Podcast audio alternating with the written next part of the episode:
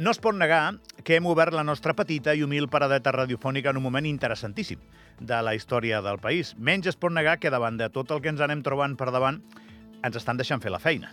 I avui em ve de gust dir-ho, mira, avui em venia de gust dir-ho. Ja us puc assegurar que les direccions de la casa de fa 20 anys, a la segona o tercera editorial que no haguessin dit que el govern eren els millors del món i de l'univers, ja m'haguessin defenestrat.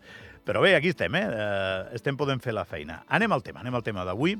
El país, molts temes importants. Primer de tot, i ja veurem quants mesos més dura, o igual un any, tenim el tema de l'acord d'associació amb la Unió Europea, un assumpte importantíssim. De fet, de com acabi això, dependrà el futur immediat del joc polític i a llarg termini sembla que el que acabem decidint els ciutadans en referèndum marcarà el terreny de joc a trepitjar per un parell de generacions pel cap baix.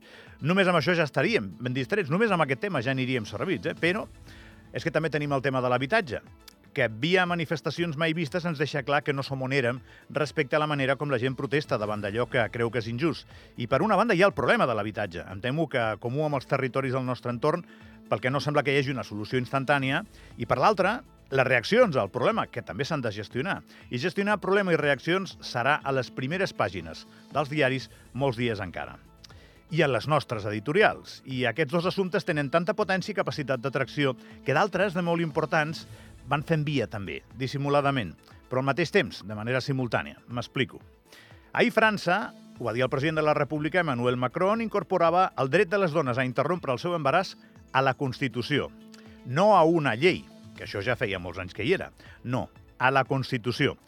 De fet, no està incorporat encara, però s'incorporarà si tot va com està previst que vagi. És a dir, que mani qui mani, si vol canviar això, un cop s'aprovi, hauria de canviar la Constitució. I això és possible, però és molt més complicat que aprovar una llei una llei nova, a França i a qualsevol país del món. Ahir França, a través de la llei de lleis, que és la Constitució d'un país, li va dir a tots els països del món que aquesta és una nova era i que les dones franceses del futur, que avui són criatures, han de créixer en un entorn en el que el seu país els reconegui el dret a prendre aquestes decisions. França es blinda així pel futur davant els possibles ascensos ultraconservadors molt marcats per influències religioses. Ahir en parlàvem, aquí o abans ahir, no me'n recordo, França marca el camí en moltes coses. En aquesta també. En aquí estem com estem, i ja ho sabeu. El govern treballa per despenalitzar l'avortament i que quan es faci el Vaticà no obligui el copríncep episcopal a plegar. Perquè si ho fa se'ns acaba el coprincipat i el corrent majoritari a la política és que aquest esquema institucional ens ha portat fins aquí i l'hem de protegir. És, per tant, un altre tema molt important per Espot i la majoria que li dona suport al Consell. I és un tema ben complicat perquè es negocia amb l'Església, que no és precisament un element que s'adapti als temps. I la pregunta per acabar és... Dos punts. si no s'aconsegueix la despenalització, que sembla que serà que sí, però i si no s'aconsegueix? Però vaja, si no s'aconsegueix despenalitzar l'avortament, seguirà volent ser cap d'estat copríncep Emmanuel Macron d'un país, un dels pocs del món, on l'avortament és il·legal? I ho demano sabent, ara ja és gairebé oficial, que el president de la República és eh, el nostre copríncep actual, és qui ha portat l'avortament a la Constitució del seu país? Teniu la resposta a la pregunta? Jo tampoc.